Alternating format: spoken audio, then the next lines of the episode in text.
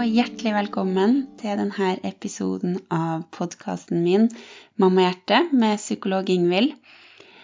I podkasten, som du kanskje har eh, fått med deg hvis du har lytta til andre episoder tidligere, så går jeg jo her litt i dybden på ulike psykologiske tema knytta til kvinnehelse, svangerskap, fødsel, spedbarnstid, småbarnstid eh, og alt som ligger i det.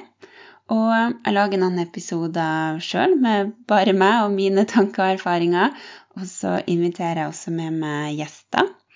Og um, i dag så har jeg jo med meg en gjest, og det er Vilde Moncler. Hun brenner jo for det samme som meg, eh, nemlig at kvinner og par skal ha det best mulig eh, når de da går gjennom svangerskap, fødsel, blir foreldre. Og Vilde er en av de dyktige, erfarne psykologene som jeg har fått med meg i Klinikk Partum. Og hun er særlig opptatt av ADHD. Eh, det er noe hun har mye erfaring med som psykolog, og i tillegg så har hun også sjøl ADHD. Så vi har eh, avtalt å snakke sammen i dag om det å mm, være mamma eh, og ha ADHD. Og hvordan kan det være? Hvordan kan det by på utfordringer? Og hva kan da være til hjelp for å få det best mulig som mamma til et lite nytt menneske? Så det gleder jeg meg veldig til, og jeg håper også det blir ok for deg å høre på. Ja, det å, å være mamma med, med ADHD, um, hvorfor uh, tenker du, Vilde, at, at uh, det er noe som um, ja, bør snakkes om? Hm. Fordi det snakkes så lite om. Ja. ja det finnes så lite informasjon der ute, så jeg tenker Jeg vet jo med meg selv hvis jeg står i noe som er vanskelig, så, så leter jeg etter eh, informasjon eller noen andre som opplever det samme. Og hvis du, hvis du f.eks. googler eh, å bli mamma med ADHD, så, så, kommer det opp jeg vet ikke, ett, to resultater. Nesten ingenting. Ja, ikke mer, nei. Nei, nei i, hvert fall, i, hvert fall, på norsk, da. Ja, kan sant. finnes litt på engelsk, men det er også liksom ja, nesten ingenting. Ja. Og det ja, det er jo både litt overraska over det, men så tenker jeg også å, så synd, fordi um, det er jo um, Kvinner med ADHD blir jo mm. mamma, mm. og, og, den kombinasjonen der, der tenker jeg jo at det ligger potensielt mange ting som man kan kjenne behov for å, å ja, høre om, tenke over, ha litt fokus på da, for sin egen del. Absolutt. Um, men der tenker jeg at det er nok fordi det er ganske nytt å tenke at en mamma eller at en kvinne i det hele tatt kan ha det og det. At det ja. er en litt ny idé, det også. Ja. Ja. Fordi altså, de siste årene så har det vært litt mer prat om det, og det har kommet liksom, litt mer fokus og oppmerksomhet rundt det. Og det er flere voksne kvinner som har blitt diagnostisert, også flere jenter. Men veldig lenge så har det vært noe som Ja, det har vært mest barn, og særlig mm. gutter. Ja, sant. Så, ja, for hva er liksom litt eh, det klassiske bildet på ADHD, da? Hvis vi bare skal liksom kjapt innom det. Hvordan, hvordan har det vært? Det klassiske bildet har vært sånn en veldig hyperaktiv liten gutt, tenker jeg. Um, ja. Liksom henger i gardinene og ja. Ja. Um, slåss og bråker og roper høyt og hoier, ikke sant. En sånn ja et litt sånn vanskelig barn på en måte. Litt sånn negativt bilde, egentlig, på mange måter. Mm. Veldig sånn ytrefokusert. Hvordan ser det ut for utsiden? Hvordan er det vanskelig for voksne å håndtere? Ja. Eh, hvordan kan vi ja, deale med det her? Ja. Og veldig lite om hvordan det oppleves, og hvordan det kjennes. Um, ja, på innsida, liksom mer. Mm. Mm. Ja. Så um, bare det at man snakker om hvordan ADHD kanskje kan være forskjellig for forskjellige personer, og særlig at det kan se litt forskjellig ut for jenter og kvinner enn for gutter og menn. Altså, det er jo ikke helt kjønnsdelt, da. det er jo litt sånn per individ også, men, men mm. at eh, som gruppe så er det ofte litt annerledes for kvinner, at det syns ikke så mye på utsiden. Mm. Eh, ikke så mye hyperaktivitet. Det her er mer, mer indre ting eh, som ofte skjules litt bedre, så det er vanskeligere å oppdage, vanskeligere for andre å se. Mm. Så i de siste årene så har det blitt ja, mye mer oppmerksomhet rundt det, mange flere som har fått den diagnosen. Men fremdeles, hvis du, ja, hvis du googler det, eller så kommer det bare opp hvordan er det å være forelder til et barn med ADHD. Det er ikke Ja. hvordan er det å være forelder med ADHD selv. Ja, nettopp. Ja. Å, men så bra at vi, ja, at vi kan gå litt inn, inn i det i dag. Da. Jeg håper jo at, at praten vår sånn sett kan, kan bidra til å tette litt hullet der, da, eller hva vi skal kalle det. Um, Mm. For, kan du si litt mer om, om det å være jente eller kvinne da, med ADHD? Hvordan det kan, eh, kan oppleves, særlig fra innsida, men også kanskje fra utsida, da? Mm. Eh, hvordan det kjennes å være, eller hvordan det oppleves å være kvinne med ADHD. Mm. Mm. Nå kan jo jeg bare snakke ut fra meg selv. Jeg ble selv diagnostisert med ADHD i voksen alder. Og Ja. jeg vet jo hva min opplevelse er. Og så er det jo Det er et sånt uttrykk man sier at har du møtt en med ADHD, så har du møtt en med ADHD. Fordi det er så forskjellig fra person til person. Men så er det liksom noen ting som går igjen allikevel, så kanskje noen kan kjenne seg igjen i det òg. Mhm. Um, men for mange som sagt, så er det ikke så mye hyperaktivitet på utsiden. For noen er det det, men for mange er det ikke det. At det eh, men den hyperaktiviteten kan du kjenne på innsiden. Altså at det kan være veldig mye uro, eh, masse tanker, eh, veldig mange tanker, veldig mye støy i hodet. Veldig mye på en måte bråk som forstyrrer deg. Eh, vanskelig å tenke én tanke av gangen eller tenke den ferdig. Kan komme inn andre tanker og avbryte deg, eller du kan hoppe fra det ene til det neste. Um, og um, ja, så det kan være en sånn slitsom følelse. En sånn jagende følelse, en sånn urofølelse inni deg som du aldri helt får slappe av eller er liksom helt på plass. Som det er noe du har glemt, som det er noe du ikke helt har oversikt over. Så en litt sånn slitsom følelse. Ja. Um, ja. Og, Og da tenker jeg, sånn, Når du sier det med, med at det går fort, og tankene hopper, og det kan komme nye tanker um, sånn, Hvis man skulle ta utgangspunkt i at ja, man aldri har måtte, fått høre så mye om det her da, fra, fra noen med ADHD, så tanke jeg får jo det, ikke sant, ja, Er det liksom, er det, er det kjipe tanker, er det negative tanker, eller er det artige tanker? er det liksom, Eller hele, eller hele spekteret, da. Eh, Jeg vet ikke hva du tenker rundt det? Ja, jeg, jeg tenker at det kan være hva som helst. Det er det. Fordi Ja. mm, når du tenker mye tanker i hodet, så kan det jo være noe sånn sånn engstelig eller angstete. At man har sånn kvernetanker, bekymringstanker. Det har jo du Mhm. snakket en del om før på de andre episodene. Men, um, men med ADHD så det trenger på ingen måte å være negativt. Det er bare støy. Det er bare tanker. Ja. Em, eller f.eks. musikk. Lyder. Ja. Det kan også være ting altså utenfra. at du ikke klarer å la være å høre det som skjer rundt deg. Ventilasjonsanlegget, musikken, samtalene rundt deg. Sånn at du, det kommer rett inn også og forstyrrer det du selv prøver å tenke på. Ja, ja.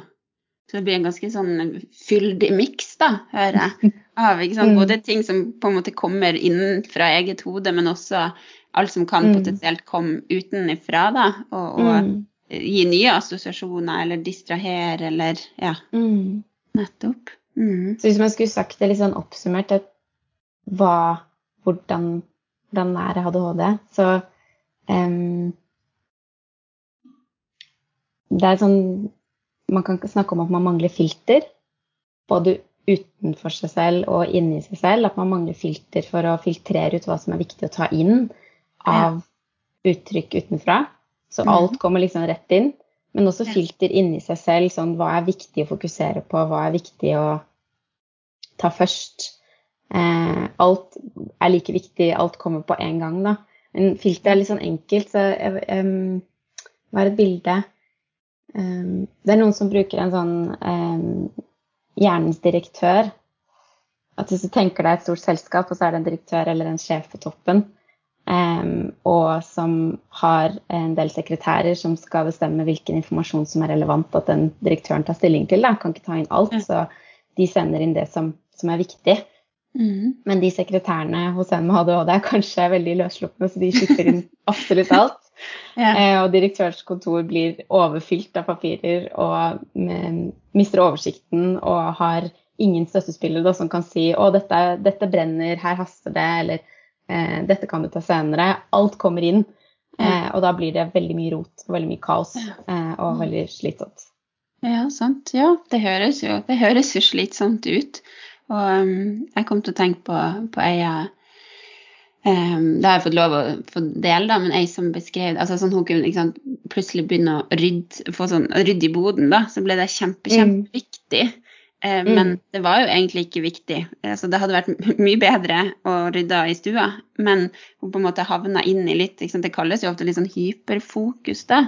Um, mm. Men at for henne så var det veldig Ja, det er jo nettopp sånn at å filtrere hva, hvor skal jeg starte hen, hva er lurt uh, i dag, mm. basert på hvordan jeg har det. For sånn som for hennes del så var hun jo veldig sliten òg, så det å drive og svi av veldig mye energi på å rydde i boden var jo egentlig ikke så lurt da, for hennes del, for hun ja, var mm. veldig sliten for hun hadde en baby da. Um, det er så typisk å ende opp der med å rydde i boden, ja. og det er liksom helt feil sted. ja. ja. Men det er dette med altså hyperfokus, det er jo det er et sånt ord på at man får sånn helt sånn låsning i oppmerksomheten på én ting. Eh, og det er jo sånn mange snakker om ADHD, at å, du mangler oppmerksomhet. Men det er ikke egentlig det, det er mer at du mangler styringen. Du klarer ikke helt å bestemme hvor oppmerksomheten skal være. Så du burde ha oppmerksomhet på å rydde stua, men i stedet så blir du opphengt da, i å rydde i boden. Um, ja, og så for og hennes del så glemte hun sant, å, å spise oppi det hele òg. Altså, det ble så altoppslukende, da. Ja, ikke sant. Mm. Mm. Og, men hvis vi tenker sånn du nevnte jo litt sånn i starten med et, et, barn, gjerne en gutt med ADHD. Da er det veldig sånn synlig, da. Men så mm. tenker jeg jo på det som du har nå beskrevet, er jo ting som foregår på innsida. Som mm. jeg tenker ikke nødvendigvis er synlig for andre, da. Eh, eller hvordan Ja, hva, hva tenker du rundt det? Absolutt ikke nødvendigvis synlig for andre, og også ganske vanskelig å forstå for andre og for seg selv. Ja. Um, jeg tenker det er en grunn til at det er mange som ikke har blitt diagnostisert i barndommen. Um, fordi man tenker at Eller man skjønner ikke hva det handler om. da. Man skjønner ikke at det barnet som er litt sånn stille og kikker ut av vinduet, eller blir veldig opptatt av tegning eller å skrive brev eller å eh, En sport, en aktivitet. ikke sant? Blir veldig sånn opphengt i det, f.eks. At det er noe rart. Eller man skjønner ikke hva det betyr, da, eller hva det handler om. Sånn at, mm. um, og jeg, jeg, tror mange ikke skjønner det selv heller. F.eks. dette med de tankene. Hvis man skulle beskrevet det for noen andre, og, og også for en, en, som kan noe om psykologi, så ville man mm. kanskje tenke å, du er engstelig. Eller du er deprimert. ikke sant? Så det er jo veldig mange som har vært innom helsevesenet på et tidspunkt og kanskje fått den type depresjons- eller angstdiagnose, eller til og med sånn type OCD-tvangsdiagnose. fordi at for å prøve å få kontroll på kaoset, da, så blir man veldig streng og veldig påpasselig og veldig opptatt av å gjøre ting på samme måte hver gang, f.eks. For, eksempel, for å ja, sikre seg da, at man ikke glemmer mm. ting eller mister ting eller roter bort ting og sånt. For det, mm. det er jo den synlige delen av det her indre kaoset, er jo mm. at det kan bli kaos rundt deg også. At ja det at du ikke klarer å prioritere hva som er viktig først, og begynner å rydde i boden. Du starter egentlig på kjøkkenet og skal prøve å rydde i et skap, finner noe som ikke du har plass til, skal sette det i boden, og så ser du at boden er rotete, og så begynner du å, å, ta alt ut av boden for å se om du kan kaste noe. Så klarer du ikke å prioritere, og så ender du opp med å bare ha alle tingene dine utover hjemmet ditt i et stort kaos. ikke sant? At det mm. blir mye rot av det. Um, så mm. ja, den når var det jeg startet det nå? Apropos rot. jo, for meg var det veldig altså litt den her um, at alt, det, ikke sant, Kaoset på innsida, sa det, så kan det også mm. være synlig kaos på utsida. Det med boden. Det vil jo være da hvis samboer kommer hjem, så vil man jo se Men hva i alle dager, hvorfor har vi plutselig hele innholdet i boden strødd rundt? Um, mm. Og jeg, det jeg kom til å tenke på, er jo en del mødre jeg har hatt kontakt med, som som beskriver at de bruker veldig mye energi på å unngå at det skal være synlig for andre. Da. Unngå å bli på, en måte da feile, ikke huske på noe eller ikke gjort det man skulle ha gjort. Sånn at de har ganske sånn, litt som du òg var inne på, masse prøve å lage system, da. Kan bli litt sånn mm. veldig streng med seg sjøl, men også vel trenger det her systemet på en sånn måte som kanskje kan bli misforstått som litt sånn tvang, da. Men at mm. man legger ganske mye krefter i å holde ting i sjakk, da. Um, mm. Ja.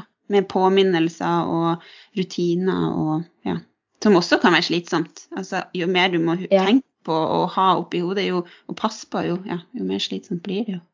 Ja, fordi det og det. For en del så vil jo det her verken være synlig, og det vil heller ikke gå utover funksjonen deres. Altså de vil mestre livet sitt helt fint, gjøre alle tingene sånn som alle andre gjør, men det vil koste så mye mer krefter. Mm. Vi blir så slitne av det fordi vi ja. bruker så mye energi på å holde det sammen. Da. Mm. Um, så for ja, jeg tror det er veldig mange som har det sånn at de um, ikke engang skjønner at andre har det annerledes. At andre ikke har det Eller syns det er så vanskelig sånn som de har det. da, At de, man kan gå med sånne strenge tanker som at jeg er bare lat. Eller eh, jeg prøver bare ikke hardt nok. Mm. Um, hvis jeg bare tar meg sammen eh, Alle andre får jo til det her, det er helt vanlig. Eh, det her, hvis jeg bare prøver litt mer, så, så får jeg det jo til.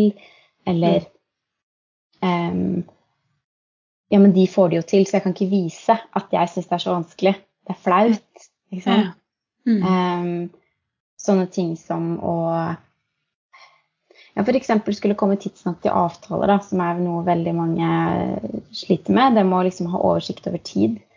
Eh, og skjønne hvor lang tid ting tar. Eh, hva skal jeg gjøre, hvilke steg skal skje før jeg er klar for en avtale. Og komme i mm. tide. Hvor mye krefter man kan bruke på f.eks. ha masse, masse alarmer, lister, påminnelser, eh, gule lapper på utgangsdøra Eh, mm. legge, henge bagen på døra eh, som du skal ha med deg. Eh, at det, det, skjer liksom et, en hel øvelse i forkant da, før du skal være i tide til en avtale. Mm. Og så er det sånn at andre kanskje bare veldig naturlig og veldig automatisk bare pakker med seg tingene sine og går. Mens mm. for deg så er det en, et stort prosjekt da, som krever mm. masse. Men du kommer til avtalen tidsnok, så ingen ser det. Ja, sant. Og du snakker aldri i detalj med noen andre heller om hvordan de gjør ting. Så du vet kanskje ikke engang heller at de ikke gjør de tingene. At ikke det er så slitsomt for dem. Mm. Og så vanskelig. Mm. Så ja, det blir fort en sånn greie hvor du blir Du kan gå alene og bruke masse krefter og strategier og teknikker for å mestre livet ditt. Og bli veldig sliten og, og også føle deg veldig alene. Og så bli veldig selvkritisk for at det er så vanskelig. Ja. Mm. Nå kom jeg på et, et eksempel. Det var ei mediel mm. som var lege, overlege, om hun var et sted mellom ja, 45-50, som nå nylig sto frem, eller hva man skal kalle det, og sa at liksom, jeg ble diagnostisert med ADHD i voksen alder, og, og nettopp beskrev veldig det der. Da, så hun kommet seg gjennom medisinstudiet og jobba og alt, men, men oppdaga det i forbindelse med at hun ble så altså, helt utslitt, da. Um, mm. For også sånn, med livet ble mer og mer sammensatt, og med barn. Og den her med at ingen, ja, ingen kan liksom Tilbake til det bildet du nevnte innledningsvis sant, om den her hyperaktive gutten. Da er det jo vanskelig for folk å se for seg at noen har gått gjennom et, et langt studium. Mm. Eh, å ja, OK, kan du ha ADHD, liksom? Det, det, det, tror jeg liksom ikke helt på. Du har jo en master i samfunnsøkonomi, liksom. Sånne mm. type. Det, ja, det hører jeg, da, og det kan jo forsterke den her ensomhetsopplevelse, da. Mm. ingen Ja, det er vanskelig for andre å sette seg inn i og vite alt som ligger bak, da. Eh, alt man har gjort for å få til de tingene. Absolutt. Og det, det, er kanskje derfor jeg tenker at akkurat det å bli mamma, eller å få barn, eh, er så viktig å snakke om fordi ja. um, hvis du bruker veldig mye krefter på å ja, strukturere, strukturere, livet ditt, komme deg gjennom ting. Um, så kan hende at du kan få til det når, det når, du har ett fokus. Når det bare er deg selv du har å passe på, uh, og det er én ting du skal gjøre. Men med en gang du begynner å skulle sjonglere mange forskjellige ting og skulle fokusere i mange forskjellige retninger, da blir det veldig mye vanskeligere. Mm. Um, så jeg tror at det å få barn for mange vil være et sånt vendepunkt hvor, den, hvor strikken blir tøyd for langt. da. Hvor den mm. evnen din til å bruke kanskje ekstra tid på å lese, eller eh, bruke ekstra um, bruke alternative strategier, da, f.eks. som du har funnet ut at ok, det funker for meg hvis jeg eh, snakker med læreren istedenfor å eh, lese hele boka, så snakker jeg med dem og spør hva er de viktigste punktene, og så, og så bare kikker jeg på det. Eller mm. jeg skaffer meg en kollokviegruppe som jeg diskuterer viktige tema med med vennene mine. For eksempel, da, sånne ting som du kan ha gjort for å komme deg gjennom studiet eller mm. jobb. Som er sånn Jeg har funnet ut hvordan jeg kan gjøre det på min måte. Jeg har funnet mine strategier. Men så mm. får du barn, og så plutselig skal du fokusere ikke bare på deg og dine ting, men på det barnet i tillegg. Eh, og det barnet sine behov styrer jo plutselig showet. Det er ikke mm. dine ting som er viktigst lenger, det er det barnet sine ting som er viktigst. Og bare det med også å ha to fokus på en gang. Du skal jo på et eller annet tidspunkt tilbake og jobbe for de fleste også. Mm. Eller gjøre andre ting og sjonglere også ja, vennskap, familierelasjoner, eh, egne prosjekter og å være forelder. At det blir for mm. mye, da. Du klarer ikke å, å strekke over alt sammen. Eller mm. å eh.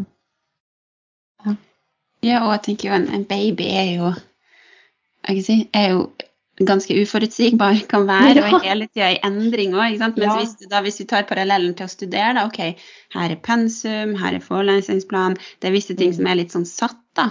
Eh, så, og du kan liksom lage noen strategier som, som funker i den settinga, og så får du en baby som kommer litt sånn uten bruksanvisning, og så tror du kanskje at du har skjønt, liksom, og så plutselig er det en utviklingsprosess, og så endrer barnet seg, og så ja, Jeg ser jo for meg at det må, må uh, Ja, denne uforutsigbarheten da kan være ekstra krevende.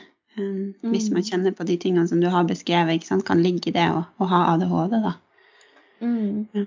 For Hvis, hvis situasjonen er strukturert og på en måte ordnet og er lik hver gang, så kan du jo fomle litt i starten, og så kan du finne noe som funker, og så kan du gjøre det igjen og igjen og igjen. Mens med et barn, de endrer seg jo hele tiden. Ja, ja. Og det er så mye uforutsigbart og kaotisk. Du kan ikke Det som funket i går, funker ikke i morgen. Så ja, helt annerledes. Ja. Og hvordan, hvordan, kan det bli da? Du har jo allerede sagt litt om det, og det her er jo altså Når vi snakker nå, så er det jo litt på generelt nivå. Noen vil kanskje kjenne seg mye igjen, mens andre ikke. Men, men hvordan kan det da bli, da, tenker du, det å, å være mamma med, med, ADHD? Hvordan eh, kan det kjennes ut og merkes? Jeg tror det kan kjennes eh, veldig overveldende. Mm. Jeg tror det er det ordet som flest kommer tilbake til. En sånn følelse av overveldelse eller å drukne. Ja.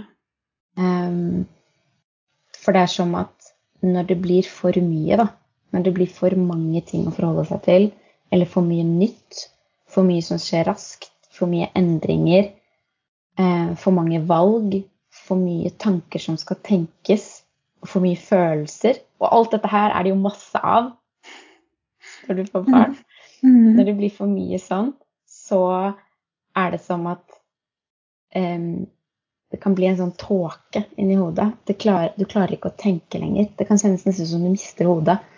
Eh, en slags sånn panikkfølelse av ja. å bli eh, ute av stand til å tenke klart, se virkeligheten, klare å eh, vurdere, ta valg. og så kan man jo fortsatt gjøre ting, eller liksom gå gjennom dagene, men det kjennes ikke ut som du har kontroll. Det kjennes ikke som du har oversikt, eller som du mestrer det. Det blir litt sånn at du tar det som dukker opp. 'Oi, der! Nå, nå skjedde det. Nå må jeg deale med det.' Eller 'nå må jeg gjøre det.' Eller du klarer ikke å ha en slags sånn uh, styr, overordnet styring i det. Det bare mm. skjer. Og den mm. følelsen er veldig ekkel. Veldig skremmende. Um, og ja Jeg tror at det her vil jo sikkert være Det er jo så veldig forskjellig sånn Nå sa jeg det liksom overordnet hvordan den følelsen kan være. Den følelsen av å på en måte drukne og ikke, ikke få rekt, eh, trukket pusten. At det kommer mm. hele tiden noe nytt, noe nytt, noe nytt som slår deg ned. Mm. Um, mens inni det så kan det jo være spesifikke ting som er problematisk, da, eller som blir vanskelig. Um, jeg tror at det som At mange kan slite med å rett og slett få til Få dagen til å gå opp. Få liksom de hverdagslige, grunnleggende tingene til å gå opp. Ganske sånn konkret at um, det blir vanskelig å um, holde orden hjemme. Um, og få i seg mat. Mm. Få ryddet, stelt seg, vasket seg. Det kan bli vanskelig å få gjort ting som å ta en dusj eller å eh, skifte klær. Eh, det kan hope seg opp skittentøy, hope seg opp oppvask. Eh, det blir som at det som er øyeblikkelig her og nå, det som er på en måte de akutte tingene, det får du gjort, men mens alt annet bare flyter. En sånn mm. følelse at ja, det flyter, du har ikke, du har ikke tak i det, da. Mm. Og det kan kjennes altså Jo mer rot det blir rundt deg, jo mer rot blir det også innvendig, eller det henger sammen, da. Så den mm. følelsen av kaos og at det flyter, eh, forsterker seg. Og så tror jeg at med å bli forelder, så kommer det inn et helt nytt lag også av, av skam. Mm. Um, at den kan bli mye sterkere enn før. Fordi um, plutselig så kan du kjenne på at det er masse forventninger til deg. Til hvordan er det en mamma skal være. Eh, hva er en god forelder? Hva trenger dette barnet?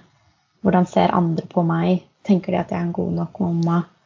Eh, hva om de visste hvordan jeg har det hjemme? At ikke jeg får til å vaske eller rydde eller, eller ta vare på meg selv ordentlig. Eh, en sånn frykt for å bli avslørt, nesten. At noen kan komme og si at ja, men du er ikke god nok. Mm. Hva er det her for noe? Mm. Um, at du kan bli veldig redd for det. Så det blir enda viktigere å på en måte skjule det. Da kan man kanskje trekke seg unna folk, eller, eller ikke, ikke, få den hjelpen man kanskje egentlig trenger, fordi det blir så vanskelig å, ja, å vise hvordan det står til. Da. For det blir så mm. skamfullt. Ja, tenker du da at man kanskje òg kan havne i litt sånn at man liksom, som vi sier på fint, da, litt sånn overkompensere, altså frykta for å bli avslørt, da, for at noen skal se hvordan ting faktisk står til inn, inni og rundt. Altså mm. Man legger ekstra mye i, i si, fasaden, da. Altså sånn, mm. Hvis man da skal ut av huset, så mm. gjør man seg ekstra flid for å på en måte se, se påvirka ut, da. Mm. Både sånn, rent sånn utseendemessig, men også sånn som man framstår da. Jeg vet ikke, tenker du ja, at det kan være en, et spor man kan havne i? Det tror jeg. Jeg tror det kan være veldig forskjellig fra person til person. Men jeg tror noen definitivt kan havne i en sånn at det blir veldig viktig å holde en fasade og skjule hvordan det står til. Og for noen så kan det hende at de også klarer å holde hus og hjem og, og alt veldig i orden, da, hvis man skulle sett på det objektivt. Men at det er denne følelsen av kaos og overveldelse som de prøver å skjule, og at det da blir ekstra viktig å holde det. Mens for andre igjen så, så, går ikke det. Det går ikke opp. ikke sant? Så det blir fysisk kaos også. Men, men at når du f.eks. er ute blant folk eller snakker med noen, så, så, så, avslører du ikke det.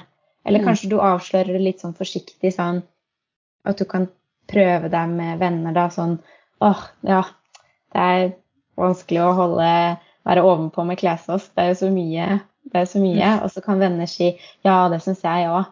Mm. Eh, det er vanskelig. Mens sannheten er at du egentlig har begynt å kjøpe nye underbukser, for du har ingen rene. ikke sant? Ja. Mens vennen din kanskje bare syns det er litt sånn kjedelig eller tungt. Men det mm. vet du ikke, for du tør ikke å snakke ordentlig om det. Du bare sier det litt sånn prøvende. Og så kjenner du kanskje igjen etterpå at åh, det er bare meg som ikke er god nok, som ikke får det her til. Ja. Det er helt vanlig å kjenne på dette, så det er bare jeg som må skjerpe meg. Ja, nettopp. For jeg tror jo det ligger dessverre litt sånn potensial i å bli misforstått som en mamma som da har den, de her følelsene som du beskriver, følelsen av å drukne, kaos, det, det ubehaget, liksom sånn angstfølelsen konstant. Mm. Og så deler man kanskje litt da med noen man har nær, om det er venner, familie eller noen på helsestasjonen, og så man, blir man møtt med at jo, men det er kaos å få baby, og mm. bare, bare, på en måte mm, flyt med. og, mm. litt sånn, sånn er det for alle. Og så er det egentlig det er noe mer, da, eller noe sterkere enn det som kan man si, er det gjengse i det å få en baby, da. Um, Mm. at man kan Ja, at man blir misforstått, eller at det blir litt bagatellisert, og at da, som du sier, da blir man bare mer streng med seg sjøl, da. Mm. Eh, mens man egentlig fortjener en, en åpnende tilnærming. OK, ja, få høre. Hvordan er denne følelsen av kaos Mm. for deg, da? Um, ja, denne Mm. fryktfølelsen som du går med. Hvordan er den? Hva gjør den med deg? Og ja, Mm. så videre. Mm. Ja, hvordan, hvordan ser det egentlig hjemme- ut hjemme hos deg? Hvordan, hvordan står det til, ikke sant? At Mm. eh, em, ja, for det, jeg tenkte på når du sa når snakket om den fryktfølelsen Jeg tror det er veldig mange som har det sånn, at det er en fryktfølelse. Men jeg tror også at for andre så kan det kjennes mer som en At det ikke er en angstdriver i det, men heller en, en slags sånn lammelse også. Ja. En slags følelse av å bli fastlåst og sitte fast og ikke eh, Nesten sånn paralysert. Mm. Eh, og at ikke det nødvendigvis kjennes stressende eller sånn som jeg beskrev nå, da, men at det bare kjennes ut som at det er umulig. Som at du Det er så mange ting du skal håndtere at Og alle føles like viktige, og alle føles like store, for du klarer ikke å vurdere det. Det er jo en del av det med ADHD. Og så, og så blir du bare lammet. Så blir du bare sittende der. Sittende fast, liksom. Mm. Um, og ja, klarer ikke å bestemme deg. Skal jeg, skal jeg vaske opp, eller skal jeg vaske tøy? Men hvis jeg skal vaske tøy, så må jeg jo ha eh, Finne ut hvilke klær som er skitne og hvilke som er rene. Men de ligger blandet, så må jeg sortere i dem. Eh, og de rene, da må jeg pakke dem bort. Og det orker jeg ikke. Og de skitne, ok, men der er det noe ulltøy. Har jeg ullvaskemiddel? Jeg har ikke handlet det. Og så bare Mm. blir det for mange tanker, det blir for mye, og så, og så sitter man heller stille og gjør ingenting. Man gjør ingen av delene. Mm. Og blir bare litt sånn låst da, i det. Mm. Mm. Mm. Så nei, jeg tenker Høres slitsomt ut, rett og slett, da. Og litt, Mm. ja, og litt ensomt ut òg. For jeg, jo, jeg bare kom til å tenke på hvis man da er i et parforhold, har barn, så er det jo ikke gitt at partner helt forstår heller. Og kanskje, bare for en tanke, kanskje har man ikke sant, lært hverandre å kjenne som uten barn. Og Mm. så, og så får man barn, og så blir man da som mamma med ADHD på en måte en, en ny variant av seg sjøl. Alle blir jo det når man får barn Mm. så blir vi jo, og, og når man blir mamma eller pappa, så forandrer vi oss jo. Men det ligger jo et potensial her for at den, den forandringa kan være en, altså, litt vanskeligere å forstå sjøl og for partner, da. Det tror jeg absolutt. Særlig hvis man ikke Altså, man kan ha lært seg å leve med hverandre, men kanskje man ikke egentlig forstår hva ADHD innebærer, eller hvordan det påvirker påvirke en. Sånn at når det dukker opp ting som på en måte egentlig handler om det samme, men som, som får nye uttrykk da, når man får barn. Altså at det, det kommer ut på andre måter. Mm. Det som du mestret før, plutselig mestrer du ikke lenger. Eller eh, fordi det f.eks. kjennes eh, Si at du tar et valg om noe med babyen. Du klarte å ta valg om andre ting før, men siden det føles viktig med babyen, så er det vanskeligere å ta det valget. Og så plutselig blir du lammet i en sånn og ikke klarer å ta valg. Så, så på en måte så, så kommer det noe nytt, da. Hvis man ikke skjønner at det kommer fra ADHD, eller, eller hva det er som skjer, hvorfor blir det sånn, så, så er det vanskelig å ha forståelse eller sympati med det også. Det kan være veldig irriterende å være sammen med noen som ikke klarer å velge, eller som eh, er veldig forsinket eller veldig rotete, veldig kaotisk. ikke sant? Sånn at Mm. for en partner òg å, å klare å være tålmodig med det her, eller, eller å kunne gi noen hjelp eller støtte som faktisk som hjelper, da. Mm. Eh, jeg tror det kan være vanskelig. Mm. Ja, for hvis vi skulle gå videre litt og snakke litt om sånn, hva sant, Hvis man er i noe av det her, eller kjenner på alt det her som du har beskrevet, hva, hva, ja, hva er viktig da? Eh, Stort spørsmål. Du har sikkert noen tanker om det, vil jeg tro. Sånn, sånn helt overordnet så tror jeg det aller viktigste er å er sånn forståelse og aksept. Fordi, litt sånn som vi snakket om nå, det er lett å bli misforstått av andre. At andre ikke helt skjønner hva det dreier seg om, eller feiltolker det. Sånn å ja, du er engstelig. Nei, men det er ikke egentlig det som er problemet. ikke sant? Eller nei, det er helt normalt at det flyter når du får barn. Ja, men her er det et nivå til. ikke sant? Her har vi skrudd opp volumet på, på, mm. hvor vanskelig det er.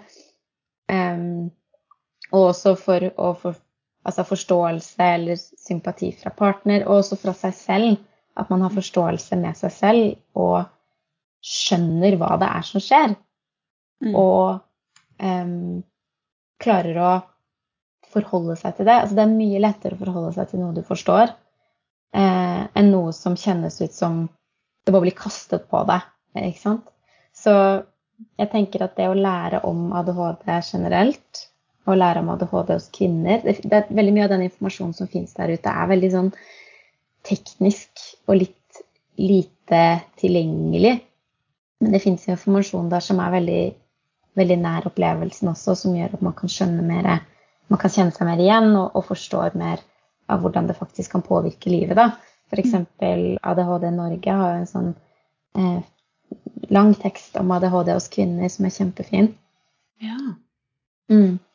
Og så det å lære om ADHD, og lære om ja, hvordan det kan se ut, hva slags områder er det som kan bli påvirket, um, og kanskje skjønne litt Å ja, de tingene jeg strever med, hvordan, hvordan kan Det kan handle om helt andre ting, òg, personligheten din eller liksom ting du har opplevd og sånn, men hva hva er, det jeg kan forstå gjennom den linsen da, mm. av den ADHD-diagnosen? Fordi mm.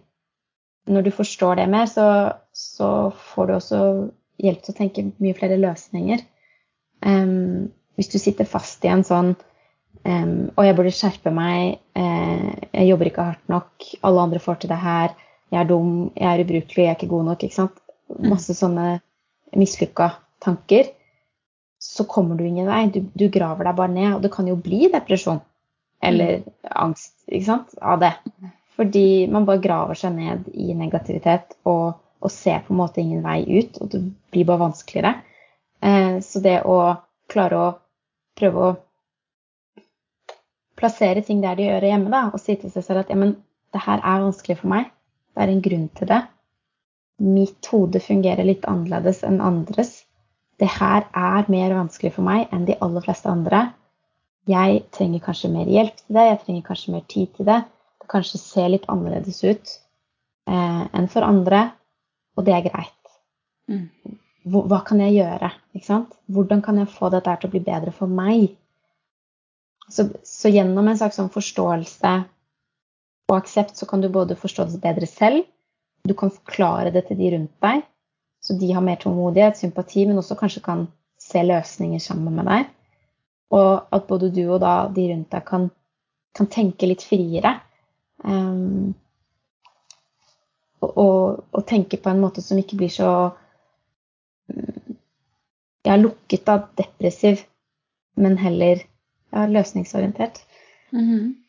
mm. Ja, for, for, jeg tenker jo ikke sant, det her med når, når vi retter piler mot oss sjøl, og det, ikke sant, jeg må ta meg mer sammen, jeg er ikke god nok det er jo vi gjør det jo for at vi tenker at det skal hjelpe. Det skal liksom mm. gi, gi, hjelpe oss i riktig retning til å få det bedre, men så virker det jo som regel alltid motsatt. Altså vi, vi blir jo så sliten av mm. som vi driver med denne sjølpiskinga, da. Um, ja, så det, det stjeler masse energi. Det gjør det. Og, og, det er jo? Men vi gjør det jo. Vi gjør, altså, det er jo ikke unikt for kvinner med ADHD. Vi driver jo alle mm. med det eh, i, i, forskjellige perioder, eller først når vi står i forskjellige ting. Men det er jo så eh, det er jo så motsatt da, av det vi trenger. Vi trenger jo det som du sa så mm. fint, ikke sant? forståelse og aksept, men det er jo åh, det er altså vanskelig. Det er jo sånne fine ord, da, men det er, det er vanskelig. Men jeg, jeg, har jo veldig trua på å, å um, ja, løfte opp som, som, noe å jobbe med. Da. Jeg baker det jo mm. veldig mye inn i alt som jeg snakker om òg, fordi det er så mye av det motsatte, da. Um, mm. og, og, det er faktisk mulig å, å jobbe frem da, mer Eh, omsorg for seg sjøl, godhet, mm. forståelse. Og, og, både altså tenker litt som du sier, hva kan jeg forstå gjennom den ADHD-linsa her, eh, er jo en viktig del av det. Og også hva kan jeg forstå i, liksom i kraft av at jeg nå har blitt mamma, som òg er en mm. linse. Der Mm. Jo, ting er annerledes nå. Livet forandrer seg. Jeg har vært gjennom mye. Kanskje ikke sant? Har det vært ting i svangerskapet, fødselen, utfor, andre utfordringer også, som, Mm. som ikke handler direkte om at man sjøl har ADHD, men som blir et tillegg, da. Så det å Ja, nei. Vi kan, vi kan aldri slutte å snakke om forståelse og, og aksept, da. Um, Mm. ja. Men så sa du problemløsning, ikke sant. Hva ligger i det, da? Sånn Ja. Jeg er veldig enig i det du sier. Eh, og jeg tror det er, eh, det er, eh, det er relevant for veldig mange med ADHD eller ikke. Men jeg tror at det er vanskelig. Jeg tror det sitter lengre inne hos en del med ADHD å skulle slippe de der litt sånn tvangstankene om at man skal pushe seg. Litt sånn den derre Jeg må- prøve hardere, jeg må uh, Altså mer av det du har gjort, da. Fordi det ligger en tanke bak om at hvis jeg skulle slappet av, da, eller hvis jeg skulle sluppet de tingene, da ville jo alt gått helvete. Ja. Da ville jeg ikke fått til noen liksom, ting. hvis er rett rakner det. Ja. Dette er jo det eneste som, som holder meg samlet, Mm. og som får noen ting gjort. Minimum. ikke sant? Ja. Hvis jeg skulle sluppet den, den selvkritikken eller den angsten, Ja. da, da går det jo ikke. Nei. Hm. Ja, ikke sant. Hvis jeg møter meg sjøl med mer sånn mjuke rammer, da, da, Mm. da bare Liksom. Da bare ja. Da er det jo skummelt, da. Altså, jeg tenker, Da må vi huske på når vi snakker om forståelse og aksept, at det kan være dritskummelt å skulle Mm. gjøre det. Ja. Veldig. Det kan Mm. være kjempeskummelt, og det kan kjennes helt, helt sånn utenkelig. Litt sånn Du skjønner ikke hva du snakker om. Jeg kan ikke senke noen krav her. Jeg kan ikke være noe snill med meg selv nå. Jeg må være beinhard, for det er den eneste måten jeg får til noe som helst. Ja. Ikke sant? Å tvinge meg til det. ja. Uh, Men så kommer jo du her og liksom prøver å utfordre litt den, da. Tror du det Mm. rakner? Altså sånn for å være litt sånn tabloid. Tror du det, det rakner, da? Den, at, man, at man får bekrefta den katastrofetanken om at nå, da, da går alt i oppløsning? Eller? Nei, jeg tror ikke det. Jeg tror at eh, man bruker så mye krefter på å være stressa og sint på seg selv og redd for at det ikke skal gå bra, og at hvis man klarer da å slippe noe av det, så vil det mye mer plass til eh, andre ting, for det første. Og så tror jeg også at det å være stresset på den måten og tenke så strengt, da, det blir veldig rigid. Og det blir veldig lukket, og det gjør at man ikke klarer å se andre løsninger og andre muligheter. Um, og når jeg, tenker, når jeg sier 'tenk løsningsorientert', så tenker jeg um, hvordan skal jeg jobbe med mitt utgangspunkt, mine styrker, mine ressurser, som jo er der, men som man kan miste av syne når man blir så selvkritisk og skamfull og, og redd og stressa. Mm. Um, hvordan kan jeg bruke mine styrker og ressurser, og hvordan kan jeg jobbe med dem og eh, omgå det som er vanskelig for meg, ikke sant? Um, åh, jeg skal komme til et eksempel på det, fordi jeg tenker at eh, si at du Si at det er de hverdagsoppgavene som er problemet, da. Og som eh, f.eks. at det bygger seg opp oppvask, og kjøkkenet ser bomba ut. Og eh, du skammer deg og syns det er Tenker at åh, tenk hvis noen hadde kommet hjem og sett det her nå. Jeg hadde tenkt at jeg var en dårlig mamma. Tenk om, tenk at jeg ikke kunne ha barnet mitt. ikke sant? Hvem er du som har det sånn her? Det er forferdelig. Og så blir du bare sittende og stirre på det her og blir liksom lammet av den følelsen av at jeg klarer ikke å takle det. Det er for mye. Det er for um, Det er for mange ting. Eh, jeg har ikke tid. Jeg orker ikke. Eller Altså, man blir bare låst fast, da. Men hvis du hadde klart å tenke eh, litt mer sånn mindre selvkritisk, mindre strengt, litt mer åpen, så kunne du tenkt eh, hva er det jeg trenger for å ha det bra? Jeg trenger å spise. Hva er det jeg trenger for å få spise? Jeg trenger én tallerken og én kaffekopp. Jeg vasker de to, og så spiser jeg mat. Og da kommer det til å bli lettere for meg å tenke når jeg har spist. Og da kanskje Jeg tenker noen nye tanker, men det tar jeg etterpå. Først så starter jeg der. Mm. Og allerede der så, så kan du få det så mye bedre. Mm. Så jeg tror vi blir liksom kan man, man kan fort bli sittende fast i tanker om hvordan det skal være, hvordan det bør være, hvordan andre har det, hva man forventer av seg selv, eller, eh, eller sittende fast rett og slett at ting vokser deg over hodet. At de blir for store og kompliserte etter at du klarer å ta tak i dem. Mm. Men da hvis man ja, kan slippe litt av den skammen, litt av det stresset, ha litt mer forståelse med seg selv, klarer å tenke litt mer på hva som er viktig, hva man trenger, så, så kan man finne løsninger som funker. Mhm. Ja, så nevnte du jo i stad litt det her eksempelet med sant, sånn, alarmer på mobilen, henger gymbag, ikke gymbagen, men eller veska si på, på det, Oppi der så ligger ikke sant, husnøklene og alt man trenger, og Post-It-lapper på døra, ikke sant, som kanskje ikke, sant, ikke fungerer helt i, i den livsfasen med, med baby. Samtidig som ikke sant, hvis det har funka da før eh, Mm. eh, så har man jo på en måte noe følelse av ting som har funka før.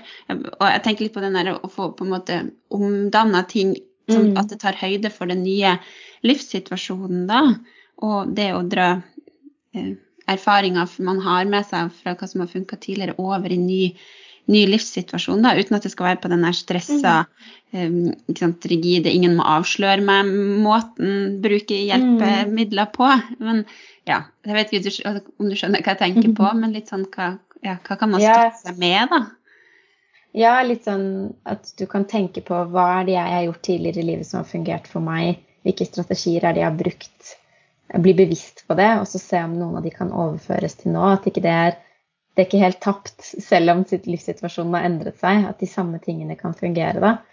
Um, for eksempel det eksempelet med å eh, ha orden på tingene sine, at ting har faste plasser. Det er jo et veldig generelt godt råd for alle med ADHD. At du har ting på faste plasser. Eh, gjerne kurver og bokser der hvor ting naturlig havner, sånn at de alltid eh, lander det samme stedet. At i gangen så er det en, en kurv som alltid nøkler og mobilen puttes oppi med en gang du kommer hjem, eller at på spisebordet så er det en kurv hvor alltid hårstrikker og hårklipper og eh, sånt havner oppi. Mm. Eh, og at det er jo noe som, som Det er en sånn strategi som mange bruker, eh, og som også kan overføres til det med barn. Eh, jeg tror du har gitt det rådet før sånn generelt, at det er generelt godt råd f.eks. å ha en sånn kurv til amming. At du har Mhm. vannflaske og klut og alt du trenger oppi en sånn kurv som du kan ta med deg. Men f.eks. Eh, når, det når du skal ha med deg en baby ut døra, så er det innmari mye greier du skal ha med deg. Eh, Det er mye liksom stæsj. Um, det å tenke at du også har en, en At du skal bygge en sånn fast bag med alle tingene du skal ha med, og at du har dobbelt opp av alle tingene, sånn at du f.eks. slipper å flytte mellom det ene badet og det andre badet og den bagen og nede. At du kan ha én ting på hvert sted, men da må du tillate deg å kjøpe fire av den samme tingen. Ja. At det er greit. Hvis, hvis det er egentlig Nei, det er ikke lov, eller det er skam, eller Ja. Ja, Så da hjelper det jo ikke, hvis det er en god idé. Eh, ja. Eller du tenker at ja, men det burde jeg huske. Det burde jeg få til. Men Mm. tenk heller nei, men det, det har jeg ikke fått til før. Kommer ikke til å få det til nå. Det er greit. Det er ikke Ja. negativt. Det er bare å akseptere sånn er jeg. Jeg må ha en leverpomade i hver veske. Jeg kan ikke ha en jeg flytter rundt. Jeg må ha dobbelt sett av alle disse tingene, sånn at em, uansett hvilken bag jeg tar med meg, så er det med meg det jeg trenger å ta med. Ikke sant? Mm. Mm. Litt sånn, men Mm. også for eksempel eh,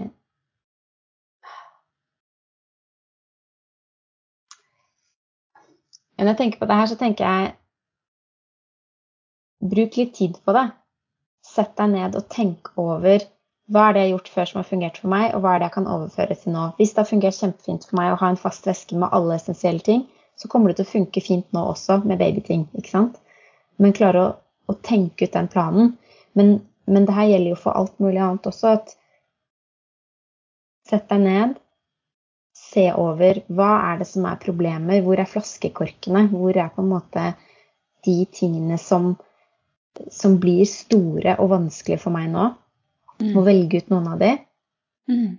Og så tenke gjennom hva er det jeg har gjort før som har fungert? Er det noe? Klarer jeg ikke å tenke? Kanskje jeg trenger hjelp av noen til å tenke høyt sammen med meg? Eh, kanskje jeg ikke klarer det alene? Kanskje jeg trenger at noen hjelper meg fysisk med dette? Praktisk med dette? Mm. Eh, kanskje jeg trenger at noen bare gjør det for meg, for dette her blir for krevende. Mm. Eh, men, men stoppe opp og, og gjøre en sånn vurdering, da. Mm. Ja, og hvis man sant, har en et relasjon til partner er grei, hvis man er i et parforhold, Mm. og det å få litt hjelp til å se um, se seg sjøl utenifra, da. For kanskje har partner en del eh, erfaring med at jo, men det her har jo funka før. Hva hvis vi Mm. henter frem det igjen? Um, vi, det, her, vi, det her er en ny kurv, liksom. Mm. At det kan sikkert, Jeg ser for meg at det kan være litt eh, ja, Det er jo liksom både òg, da. Det å få på en måte hjelp utenfra av noen Mm. andre. Det, det kan være godt, men det kan også være litt sånn eh, irriterende eller sårt å bli på en måte sett eh, av andre for det vi ikke vil bli sett for, på en måte. Mm. Men ja, men det kan jo kanskje være, likevel være viktig, da. Da kommer vi tilbake til dette med liksom forståelse og aksept og slippe skam og sånne ting. At det, at det liksom alt kommer liksom tilbake dit, syns jeg. Fordi Mm. eh, hvis du tenker at ja, men jeg burde få til det her alene, så tenker du også kanskje at du fortjener ikke hjelp. Eller det er flaut å få hjelp, eller det er irriterende å få hjelp. Men kanskje sannheten er at du trenger hjelp. Du trenger mer hjelp Mm. eh, enn du får, eller kanskje noen andre som du sammenligner deg med. Og, Mm. eh, og klare å tenke at det er greit. Men også klare å tenke rundt det og ta, få hjelp. Fordi gjerne når man er overveldet og hodet er kokt og følelsene er store, så er det veldig vanskelig å se sånn, Ja, jeg skjønner at livet mitt ikke går opp, og at det føles umulig å være meg, men, men jeg skjønner ikke hvordan noen kan hjelpe meg med dette. Jeg Mm. klarer ikke å se det.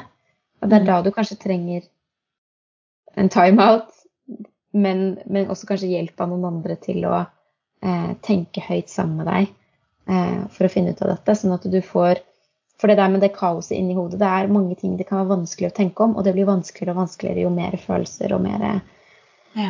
fylt opp du er, da. Ja. Og da kan det hjelpe å snakke høyt, men også skrive ned for seg selv. Bruke lister, bruke notatblokk. Prate med noen. eh, Og få sånn struktur gjennom det, da. Mm. Når du tenker i ditt eget hode, så, så blir det bare kaos. Mm. Ja, og så er det jo altså, I denne livsperioden så trenger vi jo ofte andre mye mer enn vi gjør ellers i livet. Det er jo jeg sånn generelt opptatt av for alle mødre og, og fedre, men, men ikke særlig hvis man møter på utfordringer, da, sånn som man kan gjøre hvis man har ADHD. Det å faktisk ta inn over seg sant, at det er jo et, egentlig et flokkprosjekt, det å få barn. da, eh, At det er en fin ting, da, eh, tenker jeg. At eh, ja, vi, vi trenger flokken. Og, og mange ganger må vi kanskje sette sammen vår egen flokk, da. Hvis ikke den er der automatisk. Hvis man bor langt unna familie, eller det ting er trøblete i relasjon til familie, eller sånn. Men det å tenke at man kan sette sammen sin egen lille flokk, da, basert på folk man har. Mm. Det tror jeg er kjempeviktig for alle. Ja. Ja.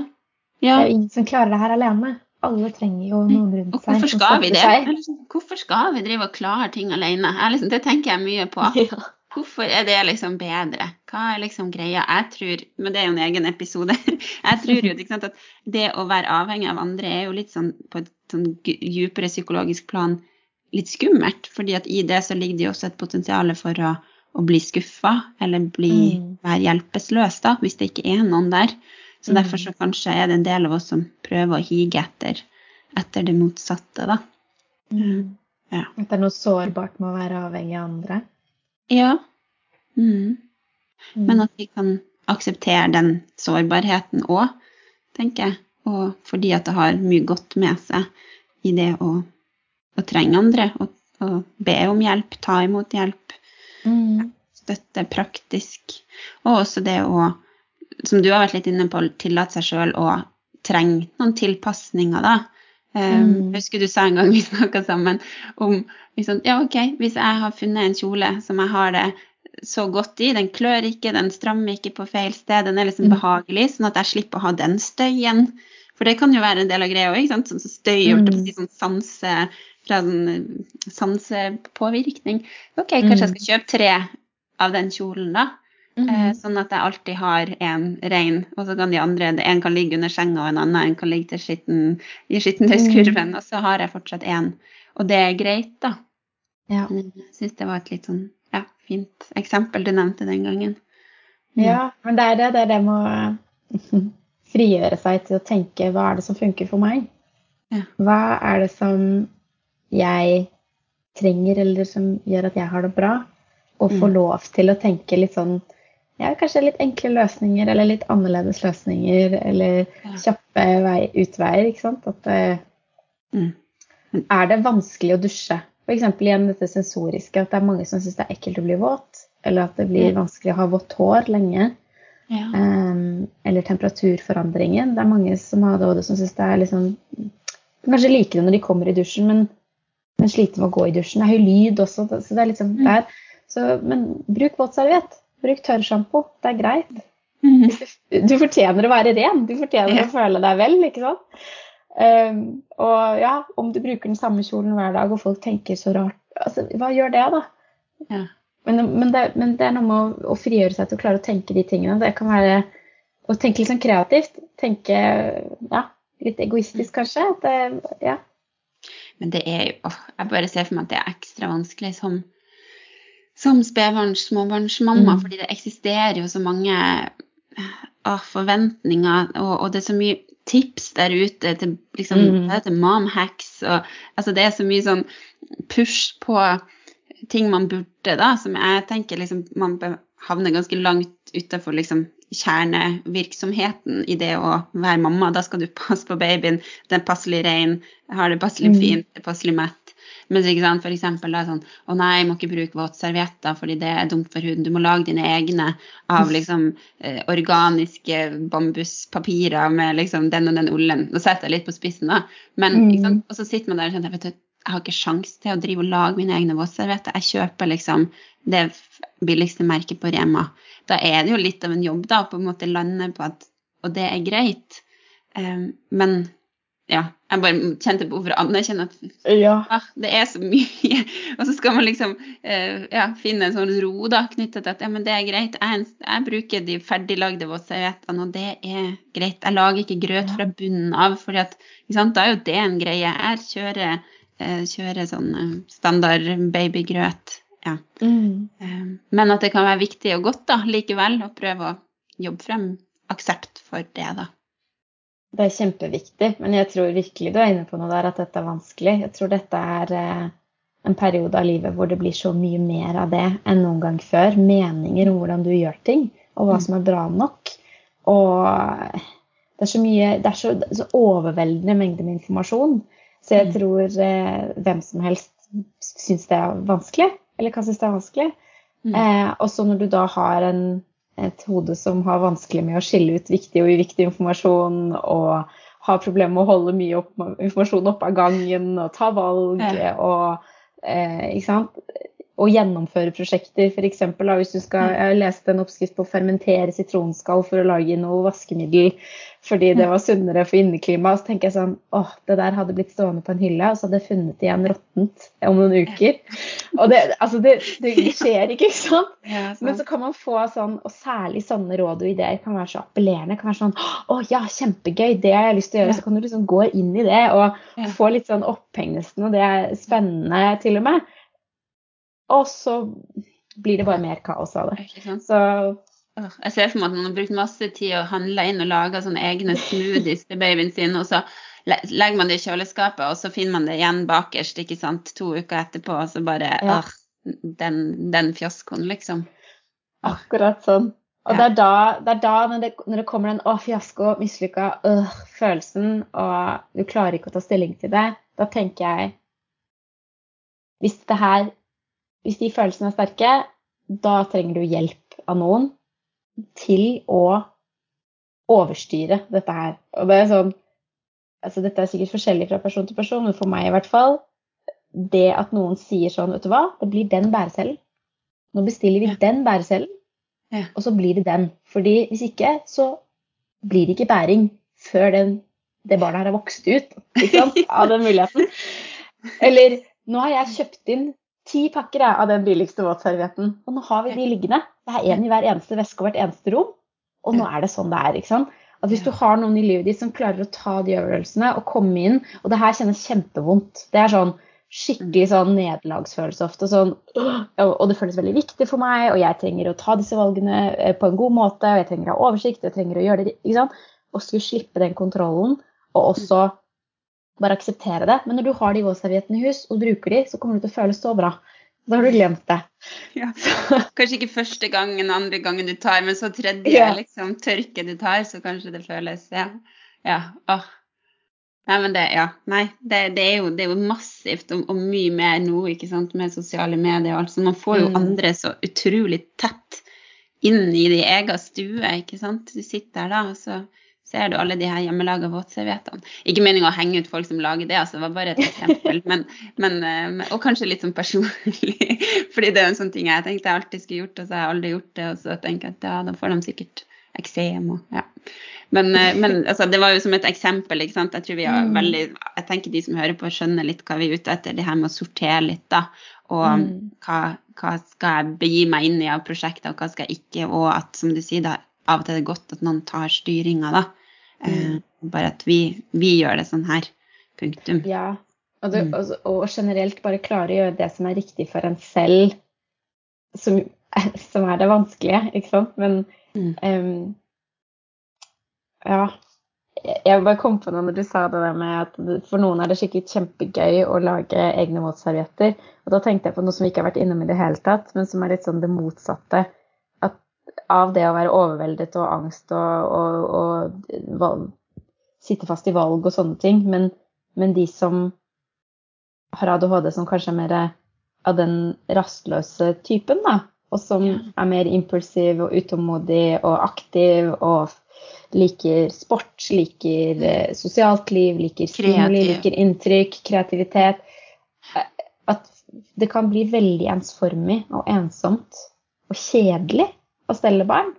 Å være hjemme. At det er veldig repetitivt. Det skjer det samme hele tiden. At Mm.